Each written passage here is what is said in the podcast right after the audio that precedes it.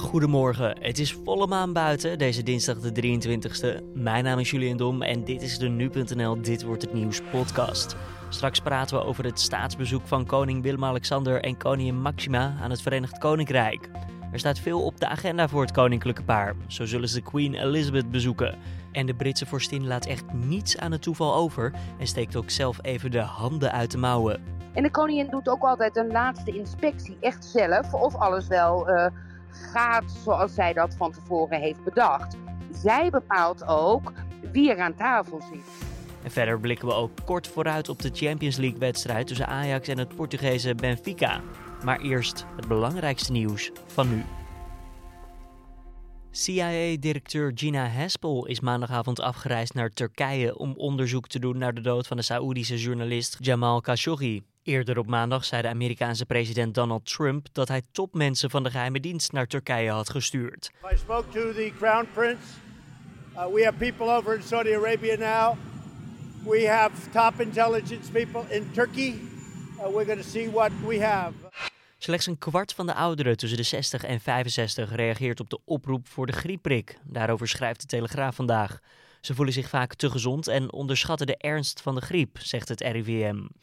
Volgens de dienst is de groep wel het meest kwetsbaar, maar gaat het minst in op de uitnodiging van zo'n griepprik. Mensen boven de 65 die risico lopen op complicaties laten zich daarentegen het meest vaccineren. Van die groep haalde 70% vorig jaar een griepprik. Orkaan Willa is onderweg naar Mexico. Eerder was Willa ingeschaald in categorie 5, de hoogst mogelijke categorie, maar Willa nam maandagavond iets in kracht af en is teruggeschaald naar categorie 4. Wel is Willa nog steeds extreem gevaarlijk, al dus de autoriteiten.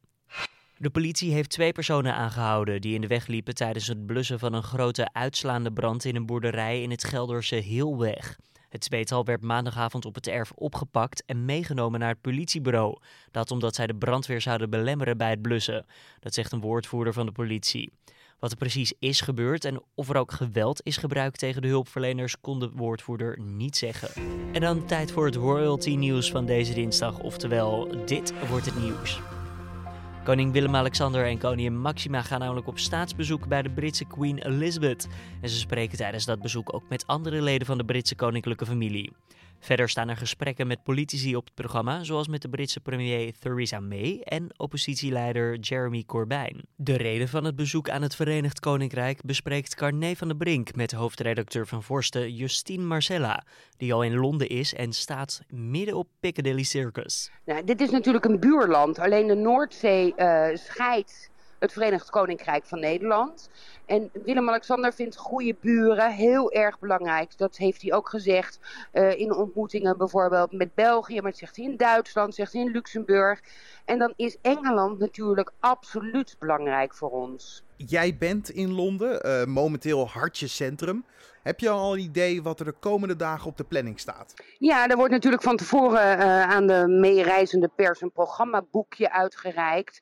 Het is een heel kort staatsbezoek. Als we even terugkijken naar het staatsbezoek van uh, destijds koningin Beatrix, dat duurde vier dagen. Uh, en dit is nou nog geen twee dagen. Uh, het begint morgen eigenlijk op de residentie van de ambassadeur. Daar komen Charles en Camilla.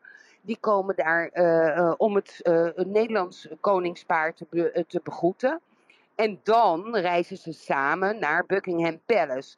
Er zijn een aantal momenten in een staatsbezoek die eigenlijk vast liggen. Leggen, uh, liggen. Uh, dan moet je denken aan een kranslegging, dat zit eigenlijk in ieder staatsbezoek. Een, een welkomstceremonie, dat is met alle toeters en bellen. Het toppunt van ceremonie, prachtig om te zien. Uh, maar de koning gaat ook een toespraak houden in het Britse parlement.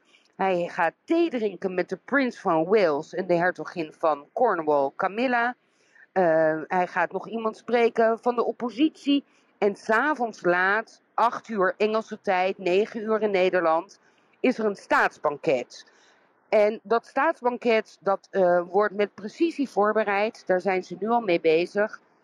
En uh, bij dat staatsbanket zit niet alleen de koningin van Engeland en ons koningspaar, maar ook prinses Mabel en Kate en William. Koningin Elizabeth die bepaalt wie er aan zit aan het, aan het staatsbanket. Dus het is echt wel een eer dat prinses Mabel ook uitgenodigd is.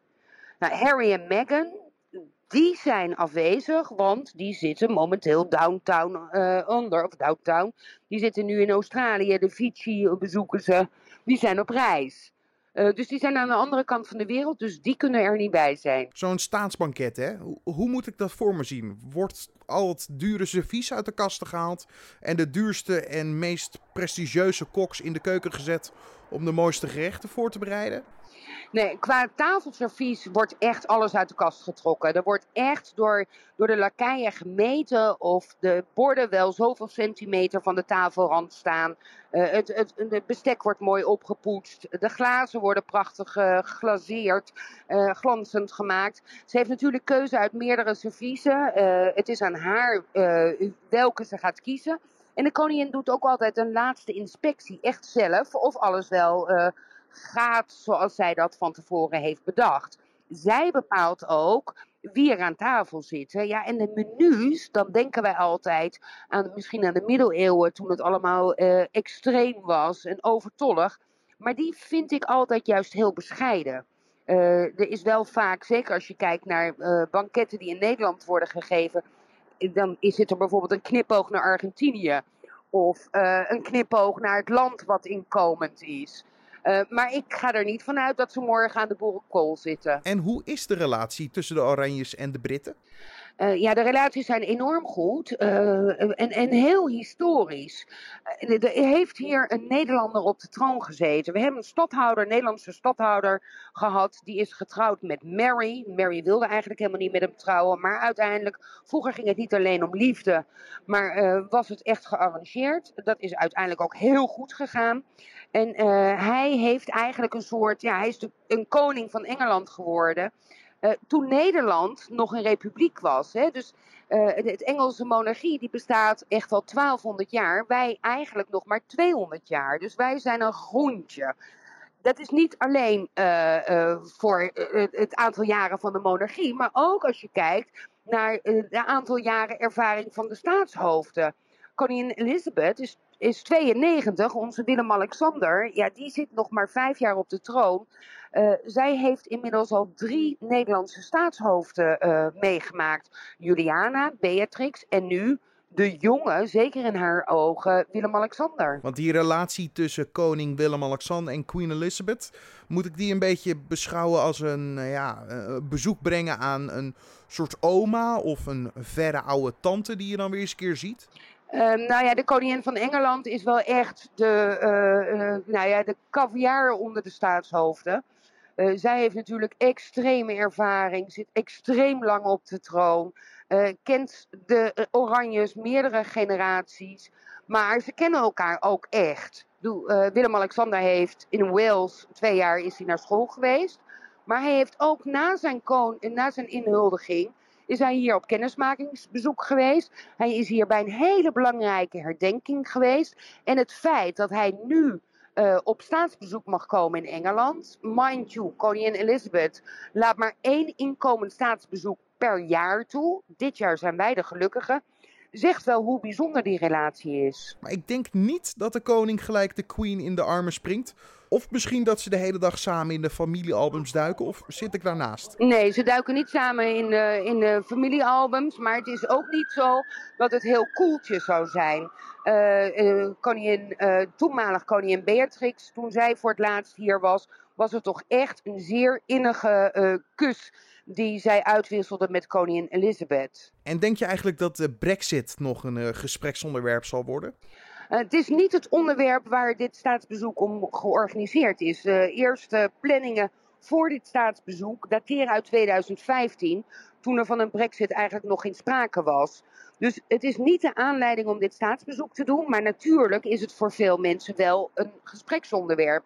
Zo zal het, uh, het koningspaar morgen voorafgaand aan het staatsbezoek spreken met Nederlanders uh, die hier wonen. En dan zullen uh, de zorgen die er zijn uh, over de toekomst na de brexit zeker ook wel aan de orde komen. Jij gaat dit circus op de voet volgen daar in Londen. Um, hoe zien jouw dagen er dan uit? Uh, mijn dagen, ja, de, die staatsbezoeken die zijn altijd, dat zou je niet denken, maar dat is voor de meereizende pers is gewoon keihard werken. Uh, wij gaan, uh, we zijn ons bed al uit als het koningspaar nog aan de koffie zit, want wij moeten overal zijn voordat zij er zijn en wij vertrekken ook pas weer als zij al lang vertrokken zijn. Dus zijn lange dagen, heel veel verplaatsingen, veel geduld hebben, veel wachten, veel rennen. ja, en ik probeer natuurlijk zoveel mogelijk hiervan mee te maken voor mij is dit ook de kroon op alle staatsbezoeken. Want ik zie niet alleen uh, ons eigen koningspaar, maar in mijn geval heel belangrijk, ook de koningin van Engeland, ook Charles en Camilla. Uh, Kate en William zitten erbij, prinses Mabel is erbij, Edward en Sophie. Dus op koninklijk gebied, zeker voor mij als hoofdredacteur van Forsten, is dit wel echt uh, nou ja, de slagroom op de taart. En heel belangrijk, wat voor veel royalty-liefhebbers echt een grote vraag is, we hebben in Nederland een, Stuart-diadeem, wat nog verwijst naar die Stuart, uh, die Mary Stuart, die getrouwd was met een Nederlandse stadhouder. Uh, en Maxima heeft het diadeem in afgeslankte vorm gedragen. Maar nu denken we, de grote diamant die daarbij hoort, als er een gelegenheid is om die te dragen, zou dat morgen zijn. En die diamant hebben we al tientallen jaren niet meer gezien. Ligt in de, in de kluis en ik denk dat die kluis morgen open gaat en dat die gedragen wordt. Want als, dan nu. Of die kluis dus daadwerkelijk open gaat, dat zullen we later vandaag zien. Je hoorde hoofdredacteur van Forsten, Justine Marcella, in gesprek met collega Carné van den Brink.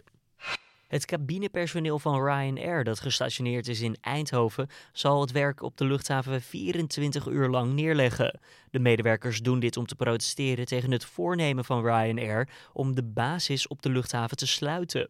De effecten van de staking blijven voor passagiers mogelijk beperkt. Naar verwachting zal Ryanair personeel vanuit andere basissen namelijk invliegen om de geplande vluchten alsnog uit te voeren. En dan kijken we even naar het weerbericht van deze 23e van oktober. De dag begint bewolkt met een stevige noordwestenwind. En ja, ik kan het weten, want ik werd bijna van de snelweg afgeblazen vannacht. Op de Wadden kan er zelfs kans op storm zijn met windstoten tot 80 km per uur. En op andere plaatsen in het land hebben we een windkracht van 4 of 5. Ook kans op regen, vooral in het noordoosten. En de temperatuur die ligt rond de 14 graden. Vanavond neemt Ajax het in de Champions League op tegen het Portugese Benfica. De Amsterdammers gaan in groep 1 met vier punten uit twee duels aan kop, terwijl de Portugezen met drie punten derde staan. Je hoort nu sportredacteur Riepke Bakker met zijn voorbeschouwing. Ajax tegen Benfica is een sleutelwedstrijd, zei trainer Erik ten Hag gisteren op zijn persconferentie. En ja, niets is minder waar, want als Ajax wint, dan wordt de voorsprong op Benfica vier punten. Oftewel, je schudt ze bijna helemaal af. En dan is Ajax ja, heel dichtbij de volgende ronde al van de Champions League. En dat wordt ook wel een keertje tijd, want de laatste keer dat Ajax overwinterde in de Champions League was in 2006. En dit seizoen, ja, het kan gewoon. Ajax is misschien wel sterker, veel sterker dan de afgelopen seizoenen. Tadic is gekomen, Blind is gekomen. Nou ja, Dolberg raakt steeds beter in vorm. Het ziet er heel goed uit voor Ajax. Aan de andere kant, ja, Benfica is ook redelijk in vorm. Staat bovenaan in de competitie in Portugal. Hebben ook nog geen wedstrijd, geen competitiewedstrijd daar verloren. Het is geen elftal dat echt tot de verbeelding spreekt. Het zijn vooral Portugezen aangevuld met wat Argentijnen, Italianen, Spanjaarden. Echt een Zuid-Europees team. Als ik één bekende naam moet noemen, misschien kent u hem. Eduardo Salvio, 28-jarige buitenspeler die afgelopen zomer nog met Argentinië op het WK speelde. Maar verder spreekt het allemaal weinig tot de verbeelding. En ja, het zou ook wel weer eens een keertje lekker zijn. Want Portugese clubs, Portugese elftallen, is toch een beetje een angstgegner altijd voor ons Nederlanders. Laat maar, want Benfica bijvoorbeeld al 30 jaar niet meer verloren van een Nederlandse club. Laatste keer was PSV in 1988, finale Europa Cup 1, toen na strafschoppen.